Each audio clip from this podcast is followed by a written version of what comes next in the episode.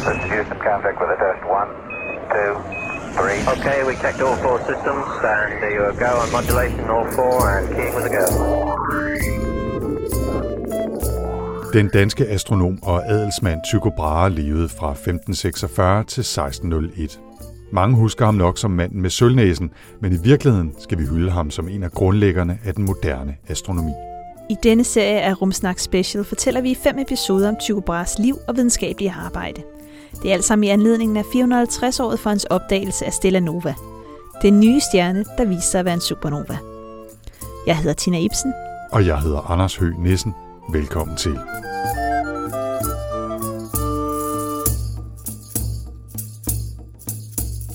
Five, four, three, two, one, zero, and liftoff.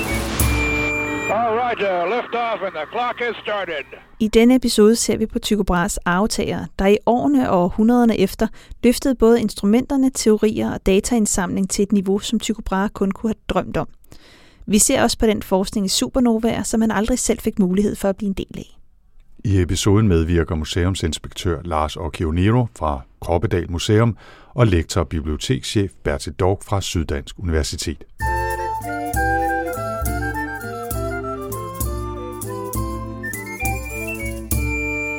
Jeg hedder Lars Occhionero, og jeg er museumsinspektør ude på Kroppedal Museum, som blandt andet dækker dansk astronomihistorie, og jeg er oprindeligt uddannet astrofysiker i Aarhus.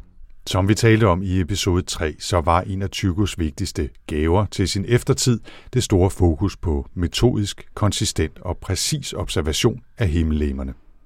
Så før vi ser nærmere på de personer, der løftede arven efter Tycho Brahe, så er det værd igen lige at notere sig hans mere generelle videnskabelige eftermæle. Altså man plejer at sige, at Tycho Brahe han er ham, der opfinder den observationelle astronomi.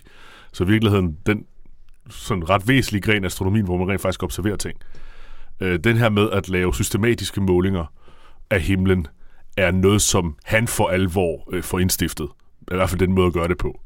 Ikke fordi han er den eneste, der har gjort det, man har også gjort det tidligere, men den der meget metodiske øh, system øh, er noget, som Tycho Brahe i virkeligheden får lavet. Men hvis vi sådan skal, skal kigge lidt mere bredt, øh, har Tycho Brahe så gjort andre observationer, som er værd at nævne? Øh, Stella Nova var sådan set hans udgangspunkt. Det er det, der gjorde, at han blev kendt øh, for alvor i verden. Og det er den, der gjorde, at han fik ven. Og fordi Stella Nova var så væsentligt, fordi det brød med verdensbilledet. Men det største del af sit liv brugte han jo ikke på Stella Nova. Stella Nova var i virkeligheden lidt en parentes i sit videnskabelige liv. Øh, en vigtig parentes, fordi det var udgangspunktet, men, men i sidste ende en parentes. Øh, Tycho Brahes primære opgave, Tycho Brahes primære livsmål, var jo at måle positionen af stjerner på himlen, så nøjagtigt som muligt. Øh, både stjerner og planeter i virkeligheden. Han var øh, muligvis ret frustreret over, at de øh, øh, data, altså de øh, tabeller, man havde over positionen af stjerner, ikke var præcise nok. Der fortælles, at da han var på opdragelsesrejse i Tyskland, så øh, så han en solformørkelse, og blev fascineret over, at man havde beregnet, at der ville være en solformørkelse, og blev utrolig frustreret over, at de havde ramt forkert. Mm-hmm. Øh, og det var han så lidt, at hvis vi kan beregne det, så må vi også kunne gøre det bedre. Øh, og så den her præcisionssøgen efter i virkeligheden meget præcise mål, er det, som han for alvor gik op i. Til dels også for at prøve at se, om man kunne øh, måle, hvorvidt jorden bevæger sig eller ej. Det var jo den tid, hvor verdensbilledet om, hvorvidt jorden var centrum af universet urokkelig eller ej, var noget, der var diskuteret. Var det stjerner i al almindelighed, eller var det planeter, særlige stjerner og andre himmelfænomener, han kiggede på? Jamen, han kiggede faktisk på alt. Uh, han målte position til alt, hvad han overhovedet kunne se, og det gjorde også, at han opdagede mange forskellige ting. Uh, en af hans andre store, større opdagelser, uh, det var jo, at uh, kometer ikke var himmelfænomener, eller atmosfæriske fænomener. Øh, man bare diskuterede meget, hvad kometer var. Altså til at starte med, der var det jo mere sådan en symbolsk ting, fordi det var alt, hvad der var på himlen. Og kometer brød jo også i virkeligheden med tanken om, at universet var uforanderligt, som, ligesom Stella Nova.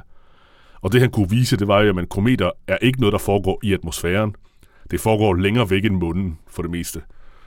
Øh, og på den måde kunne han jo også... Det var også endnu et søm i ligkisten på det gamle verdensbillede. Fordi en af modellerne, man også havde, det var det her med krystalkugler. Og hvis der var kometer, der bevæger sig rundt i solsystemet, så må de jo ødelægge de her krystalkugler, som planeterne bevæger sig på. Men det kunne han så vise, at det gør de faktisk, så der kan ikke være krystalkugler. På en lidt mere filosofisk note mener Lars også, at Tycho Brahe bør krediteres for sin holistiske forståelse af, at jorden jo er en del af universet og ikke et adskilt fænomen. Også selvom Tycho Brahes idéer ellers ikke nødvendigvis helt er i tråd med den moderne opfattelse. Tycho Brahe, han er jo øh, ikke kun astronom, han er også alkymist. Og det går han faktisk ret meget op i, de to ting hænger sammen. Han har jo den her med, at når man kigger op, så forstår man jorden bedre, og når man kigger ned, så forstår man himlen bedre. Så i virkeligheden er han også en af de første sådan newtonianske forskere. Så det er det, vi kalder det newtonianske princip. Det her med, at vi kan forstå rummet ved at forstå fysikken på jorden og vice versa. Han gør det som mere sådan af holistiske årsager og religiøse ting, så det er lidt mere, lidt mere spacey. Mm. Men i virkeligheden har han jo ikke, altså han tager jo ikke fejl. Og det synes jeg også er, er, er i virkeligheden også en af hans bidrag til øh, det videnskabsfilosofiske, måske mere end det videnskabspraktiske, at, at rummet og jorden øh, ikke er to adskilte riger, som man ellers troede, og man derfor kan lære hinanden. Mm. Og det er også en af grundene til, at astronomi er vigtig i sidste ende, fordi det gør også, at vi forstår os selv bedre. Okay, it's a nice ride up to now.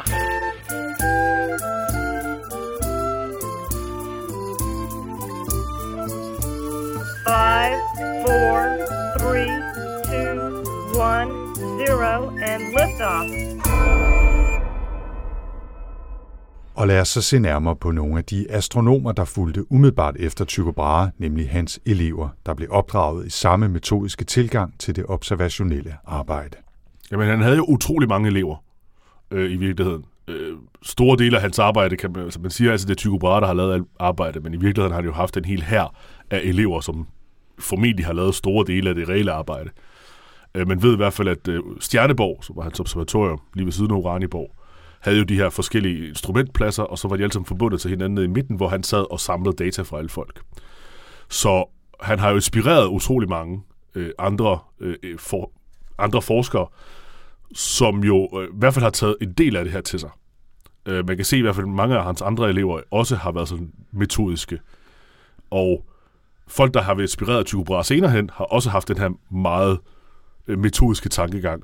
I særdeleshed det her med at skulle måle tingene så præcis som muligt, og også angive, hvor præcist man måler i virkeligheden. Den her er lige så meget vigtigt at sige, men hvor godt har vi egentlig rent faktisk gjort det, og hvordan kan vi forbedre det.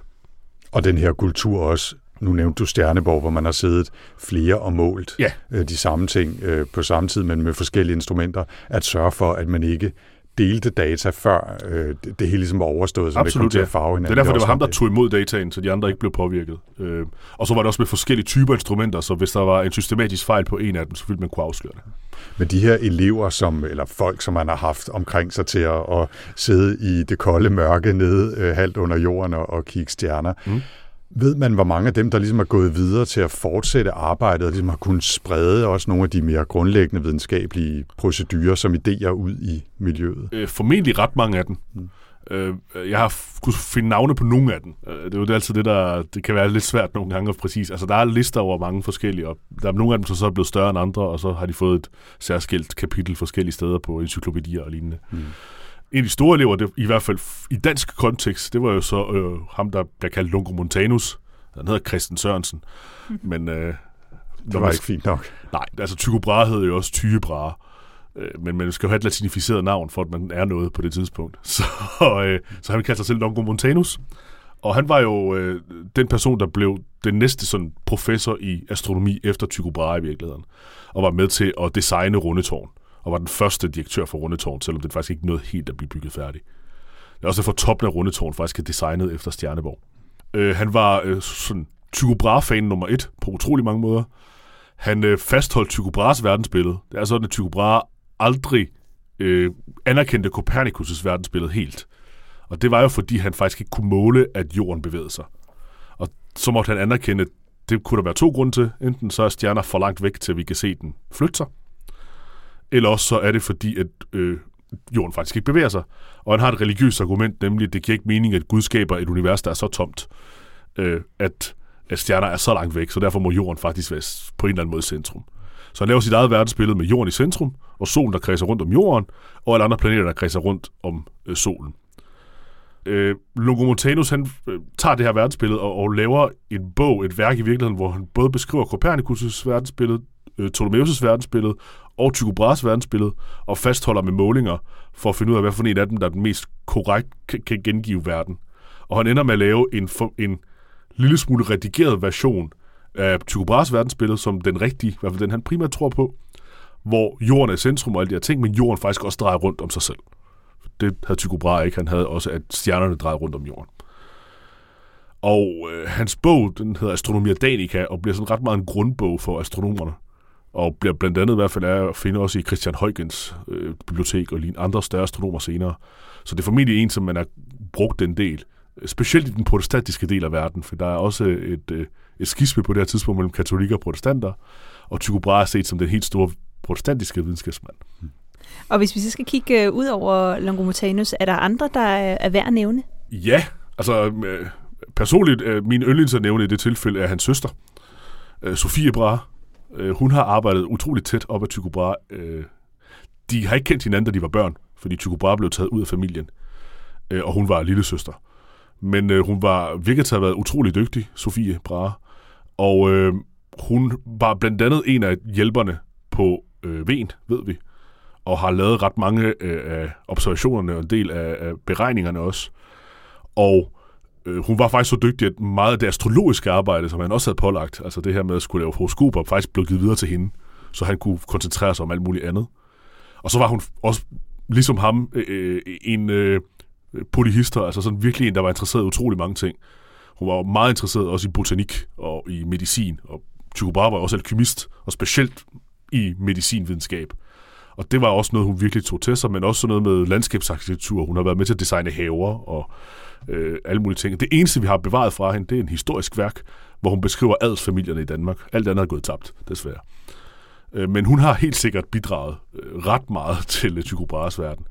Hvor meget det har så påvirket verden, det er nok ikke så meget, fordi hun var kvinde, og der var nok ikke så mange, der lyttede til hende, kan man sige, desværre. Hun levede også i fattigdom i Tyskland, fordi hun blev øh, forelsket i en alkymist hjemme hos Tycho Brahe, Erik Lange, som øh, øh, var øh, ret broke i, forsøg på at øh, lave guld ud af ingenting. øh, de, det, er bare, det er virkelig ikke særlig øh, godt for ens ry, hvis man er alkymist, forsøger at lave guld og er på røven. ja, Altså, det, det- det, det, er nemlig sandt. Der er noget, der er gået galt. Så hun lever faktisk i fattigdom, indtil han dør. Øh, de har også svært ved at blive gift, fordi at familierne ikke helt vil have det, og han er faktisk på flugt, fordi han skylder penge til en frygtelig masse folk. Og den her historie om de to øh, elskende, der ikke rigtig kan få hinanden, det bruger Tycho Brahe til at skrive en digt om, som hedder Urania Titani, hvor han sammenligner sin søster med astronomiens muse Urania. Så det er, hun er i hvert fald en af dem, som jeg altid godt kan lide at trække frem. Og ellers måske en af de andre, som er sådan mere kendte af hans elever, det er en, der hedder Simon Marius, øh, tysk astronom, Øh, og han er primært kendt for at opdage Jupiters måner uafhængigt af Galilei. Øh, de to kommer ret meget op og skændes om, hvem der rent faktisk har opdaget det først. Øh, og det viser sig, at hans målingobservation formentlig er sådan et par dage efter Galileis. Øh, og derfor har han nok opdaget det uafhængigt af hinanden. Øh, men han skriver en bog om det, og, og virkeligheden sådan prøver at fortælle, at jeg har faktisk opdaget det en måned før Galilei, og det er til dels, fordi de har hver deres kalendersystem og kan ikke helt finde ud af det, også fordi de kan ikke lide hinanden. Øh, men de navne, vi har på de fire galileanske måneder, altså Io, Europa, Callisto, Ganymedes, er faktisk hans navne, som øh, vi benytter. Og det var også en, altså kan man sige, en direkte elev, øh, som havde arbejdet for Tycho Brahe. Lige præcis. Som jo så har fordelen af, at teleskopet var kommet til Ja, øh, efterfølgende. Så virkeligheden bruger han, han er en af de første, der bruger Tycho Brahes øh, sådan metodik og den her meget systematik i, i, op, i målinger og ting, bare nu med teleskop. Og virkelig også noget af nysgerrigheden. Han er også en af de første til at beskrive Andromeda-galaksen med en kikkert. Han beskriver, at der er den her sådan lidt svage halo, som bliver stærkere mod midten. Og han kigger også op mod øh, Tycho Brahes øh, Stella Nova, i håb om, at man kan se et eller andet, og ser, at der er en meget svag stjerne der. Så spørgsmålet er, om han ser den her supernova-rest, som en af de første i virkeligheden.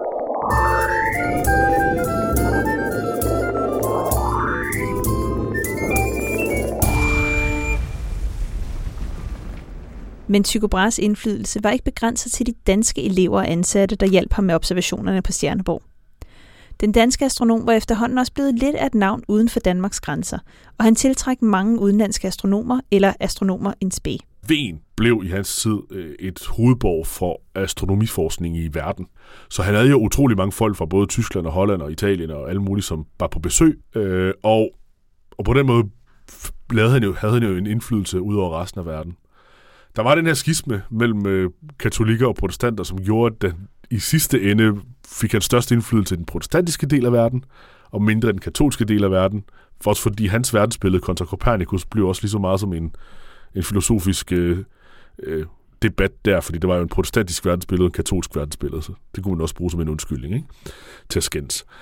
Øh, men øh, på den måde har han jo i hvert fald øh, influeret utrolig mange folk, som har været forbi ham. Og så endelig, da han øh, stikker af fra Danmark og tager til Prag, så øh, arver Johannes Kepler jo hans data, og øh, Keplers indflydelse er jo enormt stor. Og jeg vil nok våge påstå, det der havde Tycho Brahes største sådan arv for alvor, det er jo, at han lavede de her målinger så nøjagtigt, så Kepler kunne bruge dem.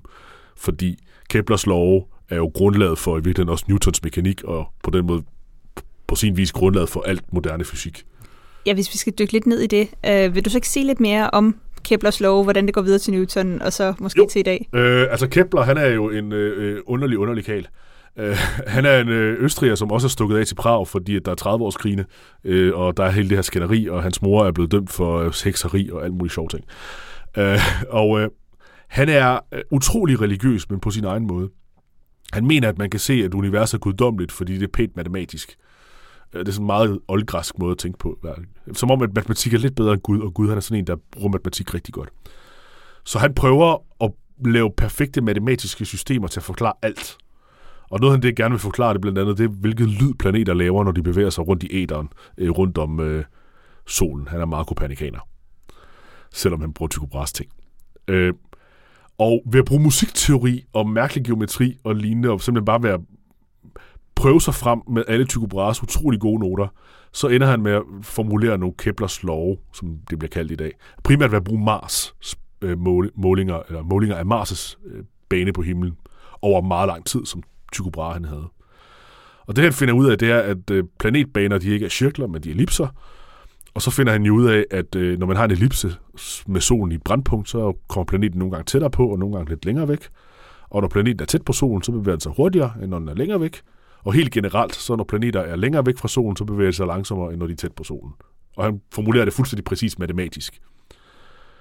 Og det, der han også begynder at beskrive og snakke med Galilei om blandt andet, det er det her med, at han får en fornemmelse af, at det må være solen, der driver planeterne rundt. Øh, fordi når planeter er tæt på, så kører de hurtigere rundt, og selv når de i deres egen bane, så når de er tæt på, så kører de hurtigere rundt, end når de er længere væk. Så han begynder allerede at få nogle idéer om, at det må være solen, der rent faktisk er den, der giver planeterne energi til at dreje rundt. I hvert fald sådan, han formulerer det. Så han begynder allerede at tale lidt om tyngdekraft. Afhængig af, hvor man læser hen og hvem man spørger, så var Kepler mere eller mindre en elev af Tycho Brahe. Ja. Nogle mener, han var det, andre mener, han bare i godsøjen brugte hans data. Hvad, hvad er din udlægning af den sag?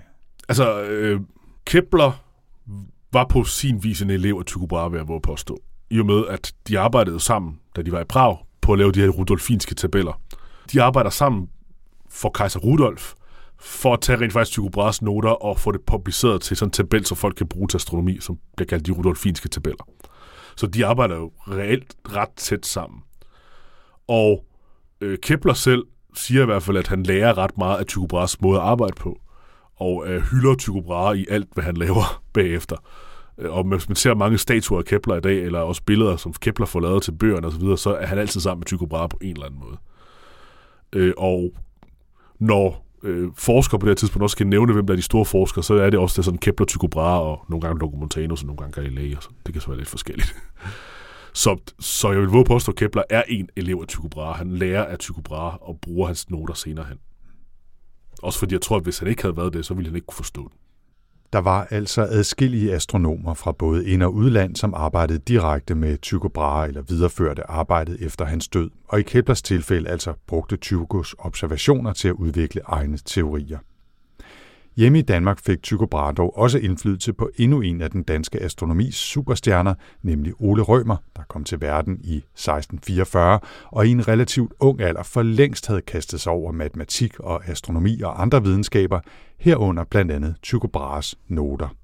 Den første person, der for alvor bruger Tycho Brahes noter ud over Kepler, det er jo Ole Rømer, som jo starter sin astronomiske karriere ved at gennemgå Tycho Brahes noter øh, med det formål at skulle øh, renskrive den for at publicere den.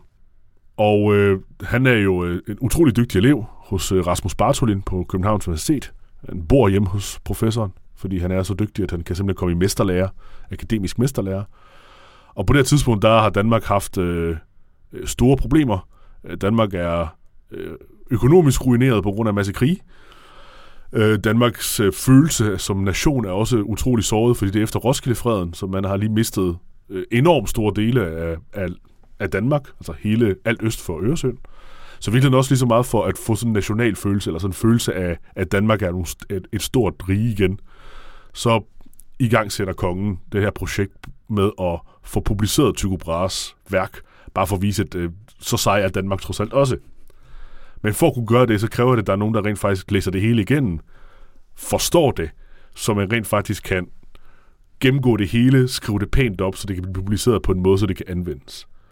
Og det øh, får Rasmus Bartoli så opgaven, for det er ham, der er den store matematikprofessor, og det kender man godt, når man er gået på universitetet, at når professoren ikke gider at lave noget, så bliver det til et bachelorprojekt.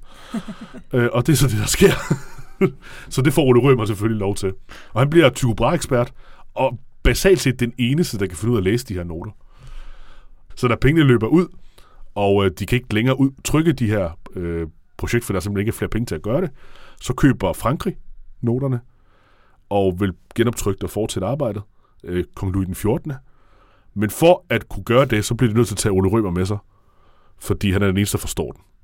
Og så samtidig viser det også, at Ole Rømer er ret dygtig. Så ham her, den franske astronom Jean Picard, der er i København for alle mulige andre årsager, øh, får de her noter med sig, og tager også Ole Rømer med sig, også fordi han godt kan se, at det er måske en, en mand, som de godt kan bruge i Frankrig. Men Rømer, han fortsætter Tycho Brahes arbejde, øh, specielt da han kommer hjem. Der gør han det, at han igen forsøger at fortsætte den her kortlægning af stjernehimlen, utrolig nøjagtigt af både stjerner og planeter, nu bare med kikkert, men med samme øh, ekstreme præcision og ilhu, og den her med at skulle forklare instrumenterne og bygge forskellige typer og alle de her ting, og designe instrumenter specifikt til det formål. Og det her designer blandt andet det, der hedder mediankreds, som jo er en kikkert på en stor cirkel, som kun kigger i nord-syd-retning, for at lave den her positionsmåling så nøjagtigt som muligt. Og det viser sig, at det er et ret godt instrument, som man har brugt helt frem til i dag. Det hører jo nok også til historien, at Ole Rømer næppe huskes mest for sit arbejde med Tycho Brahes noter, men for sin observation af lysets tøven, som han kaldte det. Altså opdagelsen af, at lyset har en hastighed. En meget høj hastighed, men dog en hastighed. Ole Rømer observerede nemlig Jupiters måner for at fastsætte deres omløbstid. Det kan man gøre på to måder. Man kan måle tiden mellem, at månen forsvinder bag Jupiter, eller tiden mellem, hvor den dukker op igen. Ole Rømer han gjorde begge dele meget præcist, og kunne se, at de her to tider ikke er de samme. Hans forklaring på det var, at lyset altså måtte have en endelig hastighed. Tycho Brahes indflydelse fortsætter dog, mener Lars Occhionero. Ikke bare med de personer, der mere eller mindre direkte beskæftigede sig med hans data og hans skrifter, men også mere generelt med sin nøjagtige og omhyggelige metode, som vi også tidligere har været inde på. I virkeligheden, så store dele af astronomien frem til starten af 1900-tallet var meget astrometri. Så stort set alle astronomer i løbet af 1700- og 1800-tallet er jo direkte aftager. En af de større, det er sådan Schellerup, som øh, bruger mediankredsen og passageinstrumentet på Københavns Observatorium, øh, fordi han øh, ikke er professor, så han får lov til at lave de sådan, kedelige opgaver på den måde, for at måle position af stjerner. På det tidspunkt, der kender man positionen så godt, at man bruger det også omvendt. Det vil sige, at man stiller uger efter position af stjerner, og det er blandt andet noget det arbejde, han laver. Det er også noget, det Julie Winter, hun laver. Øh, den første danske kvindelige astronom. Altså en, der rent faktisk får penge for det, modsat Sofie Bra. Bengt Strømgren, han øh, får designet øh, det store mediankreds, der er på Brofelde i dag. Og fordi han også har en interesse og begynder at få lavet nogle automatiserede mediankredse, så man kan bare måle positioner af stjerner lidt mere direkte, lidt mere automatiseret. Og det er faktisk det første og det vigtigste instrument ifølge ham, selvom han primært arbejder med astrofysikken senere hen. Og hvis man går helt frem til moderne tider, så har vi sådan en som Erik Hø, som var med til at designe Gaia-satellitten, øh, som er den satellit, der i dag er den primære øh, udstyr, vi bruger til at måle positioner af stjerner.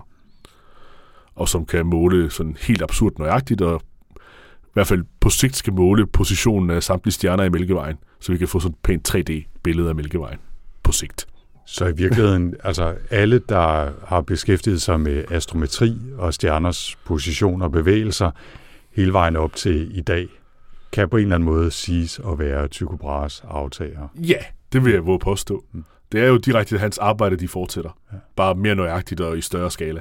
Hvis man vil vide mere om astrometri, og ikke mindst møde den danske astrometriker Erik Høgh, som Lars nævner her, så kan man jo hoppe tilbage og lytte til episode 3, hvis man ikke allerede har været der. Yes, sir. Reading you loud and clear.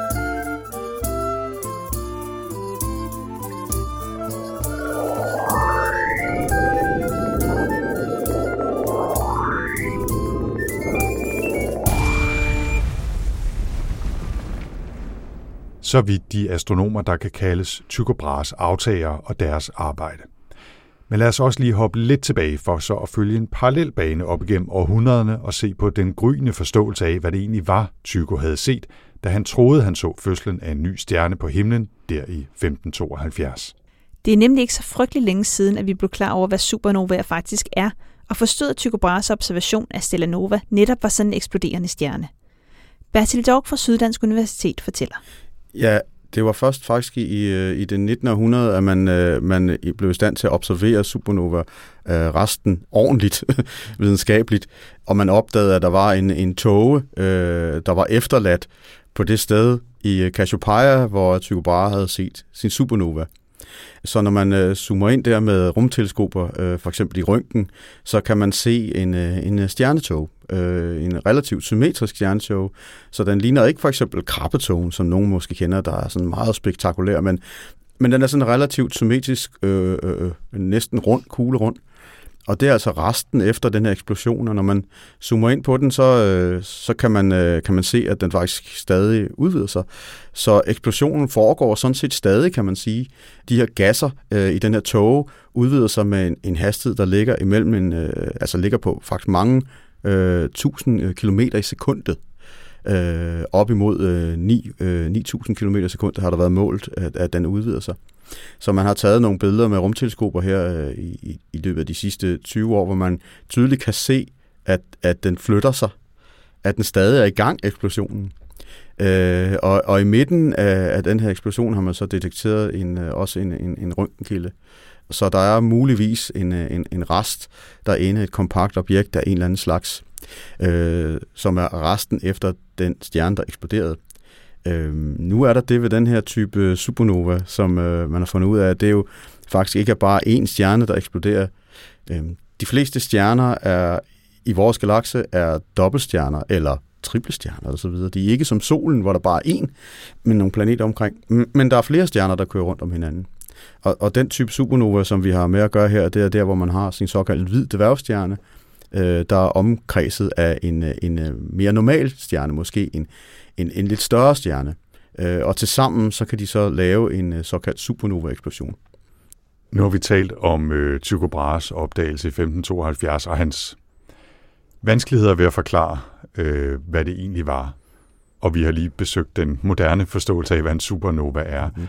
Hvornår begyndte den at opstå, altså i tiden mellem 1572 og, og vores tid øh, i dag? Det er, det er faktisk et rigtig godt spørgsmål. Altså i, øh, i 1930'erne, øh, der, øh, der begyndte man at, blandt andet på grund af udviklingen af kernefysikken og sådan noget ovenpå, kan man sige, Niels Bohrs øh, atommodel og så videre, begyndte man at øh, udrede, hvordan det egentlig var, at stjerner de lyser, at det foregår via kernefusion. Øh, før det, der havde man, øh, der havde man øh, teoretiseret om, at det var noget med, øh, at stjernerne trak sig sammen, og derved afgav noget tyngdemæssig energi, som så blev til termisk energi, som så blev udstrålet, eller, eller andre metoder. Man kunne simpelthen ikke få stjernerne til at leve længe nok. Altså stjerner som solen lever måske, eksisterer måske 10, øh, 10 milliarder år øh, med, øh, med kernefusion, og, og store stjerner, altså der kan springe som supernovaer, måske 10 millioner år, men, men det var svært at, at, at bygge modeller for stjerner, der kunne få dem til at lyse så længe øh, og, og stabilt. Men altså ovenpå øh, kvantemekanikken og kernefysikken, der, øh, der kom man også frem til den erkendelse øh, i begyndelsen af 1900-tallet, at der fandtes øh, to typer supernovaer. Man havde teoretiseret om, at, super, at stjernerne kunne springe i luften, fordi de kunne undergå et øh, kollaps, men ved hjælp af observationer, som og teknologi, kan man sige, blev man klar over, at, at de øh, supernovaer, man så øh, i andre galakser, øh, at der var to forskellige typer af dem, fordi deres øh, spektre, altså den type lys, de udsendte, var, var forskellig. Og der var i hvert fald to typer. Nu om dagen, der opererer man med mange flere typer af stjerner, men der var ligesom en type, den der, hvor man kunne se brint i lyset, øh, altså hydrogen, og det ville jo kræve, at der var brint til stede. Så hvis det var en stjerne, øh, som havde opbrugt alt sit brint, fordi det havde omdannet til noget andet, så ville der jo ikke være brint til stede. Hvorimod den anden type af supernova, der kunne man se, at der var brint til stede i spektret, så derfor må der have været noget brint i eksplosionen. Øh, og, og de to typer, dem, øh, dem lavede man så teorier om, hvad, hvad var det, der forårsagede det. Og den ene type, den hvor der er brint i spektret, det er jo så den, hvor der er en dobbeltstjerne. Altså hvor der er en stjerne, der har kunne levere brint over til en stjerne, der faktisk er udbrændt. Øh, og den anden model, jamen der er ikke mere brint tilbage, for det er alt sammen blevet landet om til helium, og helium er blevet konverteret til øh, kulstof og, og ilt og alt muligt andet så videre i en proces, der er ledt til en anden type supernova. Så, så det var der i, i, øh, i starten af, af sidste århundrede. Men øh, så var der så en, en, en fyr, der hed Barte, øh, Walter Barte, øh, som var ansat øh, på øh, Mount Wilson øh, observatoriet i USA, oprindeligt tysk, det kan man næsten høre navnet. Mm. Øh, og i 1945 øh, udgav han en artikel, hvor han havde været inde og kigge på Tycho Brahes øh, noter øh, og observationer, både fra de Nova Stella og fra nogle af de andre ting, Tycho Brahe havde udgivet. Og han var i stand til at rekonstruere lyskurven for supernova-eksplosionen meget præcist. Øh, fordi, som nævnt, så Tycho Brahe, han observerede jo, hvor klar den her stjerne var til mange tidspunkter, øh, relativt til de andre stjerner og planeter. Øh, og ved at kende lysstyrken af de andre stjerner og planeter tilbage i 1572, 73 og 74, så øh, kunne Walter han kunne så rekonstruere, hvordan lyskurven så ud for den her stjerne. Man kan sige, at i dag, så kan man jo faktisk måske gøre det derhjemme selv. Hvis man har et planetarieprogram, så er det sådan med planetarieprogrammer, der kan man jo gå ind og indstille datoen på, hvordan himlen skal se ud. Så man kan jo bare stille den tilbage til 1500-tallet, så kan man se, hvor klar var stjernerne, og hvilke stjerner var der på forskellige tidspunkter. Øh, og notere sig, øh, hvad har Tycho Brahe skrevet øh, om, lad os sige, hvor klar den her stjerne var i maj 1573. Nå, men det kunne man ikke så godt dengang i 40'erne, så der, der krævede det noget mere arbejde. Øh, men men øh, Valdebarte, han kunne så sammenligne øh, lyskurven for Tycho Brahes supernova med andre kendte supernovaer, og fandt ud af, at den var helt samme type som dem, der var type 1A, nemlig dem, der havde brint i spektret. Og derfor så konkluderede han, at øh, Tycho Brahes supernova var sådan en stjerne, hvor der var et dobbeltstjernesystem med en hvid dværg i.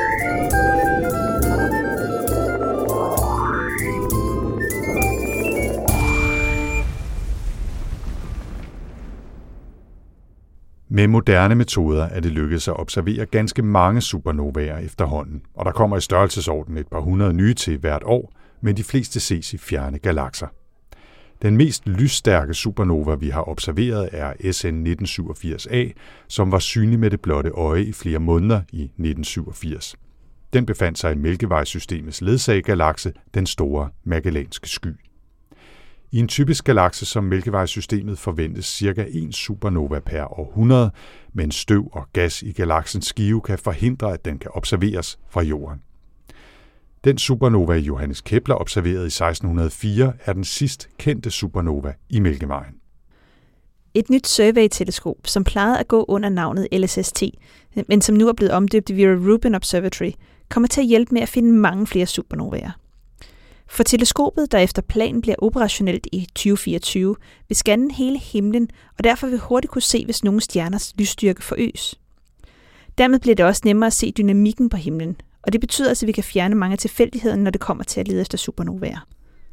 For man kan desværre ikke forudsige, hvornår en stjerne eller et binært system eksploderer. Så det er ikke sådan helt lige til at sørge for at kigge i den rigtige retning, i hvert fald ikke på lige det rigtige tidspunkt. Så hvis du selv vil ud og gøre Tycho Brahe-kunsten efter, så skal du altså først og fremmest være heldig eller vente til 2024. Men man kan måske øge chancen for at observere en supernova ved at se på potentielle kandidater, altså stjerner, der så at sige er parat til at springe i luften. Om der er stjerner i vores nabolag, der kan blive til supernovaer, der er jo både det, at man kan betragte det som en risiko og som en, øh, en mulighed, øh, fordi øh, afhængig af hvor tæt på, og hvor meget du mener, hvad, hvor tæt på du mener med nabolag, så kunne det godt være relativt ærgerligt at have en supernova, kan man sige. Fordi at der, der er jo masser af farlig stråling, og både partikelstråling og, og, og, og, og, og røntgenstråling og, og gamma-stråling og alt muligt andet, der kommer ud af sådan en. Øh, så den vil vi, det kan jeg få tæt på. Men hvis vi kigger på de nærmeste stjerner, så er der faktisk ikke rigtig nogen af de her kæmpe stjerner lige i vores omkreds. Der skal man altså noget længere væk. Men der er faktisk, fordi at de fleste stjerner er øh, ikke alene, øh, er der relativt mange dobbeltstjerner i vores øh, nærhed. Og, øh, og så kan man jo så kigge på dobbeltstjerner, hvor den ene er en hvid dværg, og der er faktisk en, der er pænt tæt på. De fleste kender den og ser den jævnligt, hvis de er ude, når der er lidt mørkt, nemlig Sirius. Det viser sig, at Sirius øh, er en dobbeltstjerne, hvor den ene stjerne er en hvid dværg. Øh, men, øh, men heldigvis, så, når man regner på det, så kan man regne ud, at den har ikke mulighed for, øh, på grund af dens størrelse og de to stjerners størrelse og udvikling, ikke mulighed for at blive til en, en supernova, som, øh, som vi hvert fald hvad vi ved i dag. Så hvis man skal kigge efter, efter supernova-kandidater, så skal man lidt længere væk end vores umiddelbare nærhed, og det er måske meget godt. Men øh, jeg har særligt øh, studeret og, og, og forsket i en stjerne, som, øh, som de fleste faktisk også kender. Nemlig en stjerne, der er den eneste anden end solen, hvor man rent faktisk kan se dens overflade i, øh, i, øh, i teleskoper. Det er en rød stjerne, og den er i et stjernebillede, der hedder Orion, som de fleste også kender, fordi man kan se det meget af året. Og det er en ret kraftig rød stjerne, der hedder Betelgeuse eller Alpha Orionis. Og der er det med den stjerne, at den er forholdsvis langt væk, men den er også forholdsvis stor, og derfor så virker den klar. Den er omkring 700 gange større end solen, så hvis solen er en ært, så skal man forestille sig et rum, der er 7 meter for hver led, så, så har man stjernen størrelse i forhold til den her, i forhold til solen. Men øh, den er også en 600-700 lysår væk, så den er ikke, kan man sige, tæt på os. Men det er en stjerne, der er i sidste trin af sin udviklingsfase, hvor den er blevet til en såkaldt superkæmpestjerne, rød superkæmpestjerne. Den er, den er svulmet så meget op, at den er så helt enormt stor. Øh, altså meget større end solen, og hvis den var i vores solsystem, så ville den flambere alle de inderste planeter og række helt ud til Jupiter. Så den er meget stor. Det er også derfor, man kan se dens overflade. Og den koger og bobler øh, og skifter derfor, kan man sige, lysintensitet fra nærmest fra det ene øjeblik til det andet. Øhm, så senere kan man sige, da faktisk omkring samtidig, da corona ramte Danmark i 2020, øh, der kom også nogle spændende teorier frem om Betelgeuse, som egentlig ikke har noget med corona at gøre, men måske er der nogen, der har siddet og kedet sig øh, under lockdown, at øh, Betelgeuses lysstyrke begyndte at falde, og det kunne man faktisk se. Altså, det kunne jeg også se, når jeg var ude og gå tur med hunden om aftenen, at den så ikke så klar ud, som den plejede at gøre. Øh, og det kan man se over hele verden, og, og der bliver indleveret data øh, via amatørastronomer, blandt andet, som bliver samlet op, så man kunne se uh, tydeligt uh, på nettet også, at uh, den blev sværere og sværere, og så kom der jo en masse spændende teorier om, at det var fordi, at nu var den garanteret ved at trække sig sammen eller et eller andet og skulle til at springe i luften. Øh, så at man mere eller mindre kunne læse på nettet, det var CNN og Fox News og alle mulige andre, måske meget lydige kilder, som, øh, som øh, mere eller mindre, kan man sige, videregav information øh, u- øh, kritikløst om, at øh, eksperterne sagde, at stjernen ville springe i luften. Øh, det gjorde den så ikke. Øh, og hvis man øh, kigger på den i dag, så er den faktisk klarere end nogensinde. Den er faktisk en lille smule klarere end sit gennemsnit, og har været det øh, de sidste par måneder. Øh, så hvorfor blev den så svag, øh, og så blev klar igen? Ja, der var øh, sådan nogle forskere, øh, der sidste år kom med en rigtig god forklaring, nemlig en stjerne, der er i sidste faser af, af sit liv. Dens atmosfære, ydre atmosfære, øh, er meget, kan man sige, løs bundet til stjernen, og indimellem så er der noget af den, der bliver revet af eller kastet ud. Og når det så kommer ud i det kolde rum, den her atmosfære, selvom det måske har været 3000 grader varm eller sådan noget, så bliver den jo kølet af, og så bliver den mørk at se på i forhold til resten. Så når det driver rundt, så kan det jo drive ind foran sådan en stjerne, og sådan en mørk sky, der driver ind foran stjernen, det får den til at se ud som om lyser sværere. Så det har været den helt naturlige forklaring, at øh, den har kan man sige, kastet noget af sig, som er kølet af, og så drevet hen foran den. Så man kan sige, der gik en sky for stjernen. Mm-hmm. Det var så en sky, den selv havde lavet, men, øh, men det er den naturlige forklaring. Så Betelgeuse er ikke der, hvor den er sprunget i luften, men den er i de faser af sit, øh, sin tilværelse, hvor at den kan kollapse. Men det er jo så en anden type supernova end Tycho Brahes supernova. Det, der måske er lidt øh, perspektiverende eller sjov at tænke på, det er, i og med, at den er en 600-700 lysår væk, så kunne den jo faktisk godt være sprunget i, i luften nu.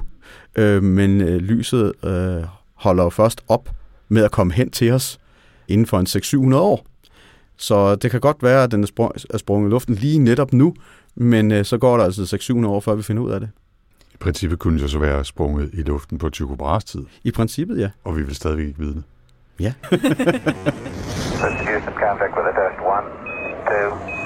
Okay, we checked all four systems and there you go on modulation all four and keying with a go. Med det sluttede denne femte og sidste episode af Rumsnak Special om Tycho Brahe. Denne gang medvirkede museumsinspektør Lars Occhionero fra Kroppedal Museum og lektor bibliotekschef Bertil Dork fra Syddansk Universitet. I vores show notes finder du links til mere information om supernovaer og et par artikler om nogle af Tycho Brahes aftagere. Som sagt var det sidste episode af Rumsnak Special. Husk, at du selvfølgelig altid kan gå tilbage og lytte til de andre episoder i dit podcast feed, eller ved at besøge rumsnak.dk. Og fra februar 2023 vender Rumsnak så tilbage med de velkendte episoder om rumnationen Danmark med nyheder og eksperter og reportage og hele balladen. Serien om Tycho Brahe er støttet af Vild Knudsens Fond og produceres af Potlab. Jeg hedder Anders Høgh Nissen. Og jeg hedder Tina Ibsen. Tak for denne gang.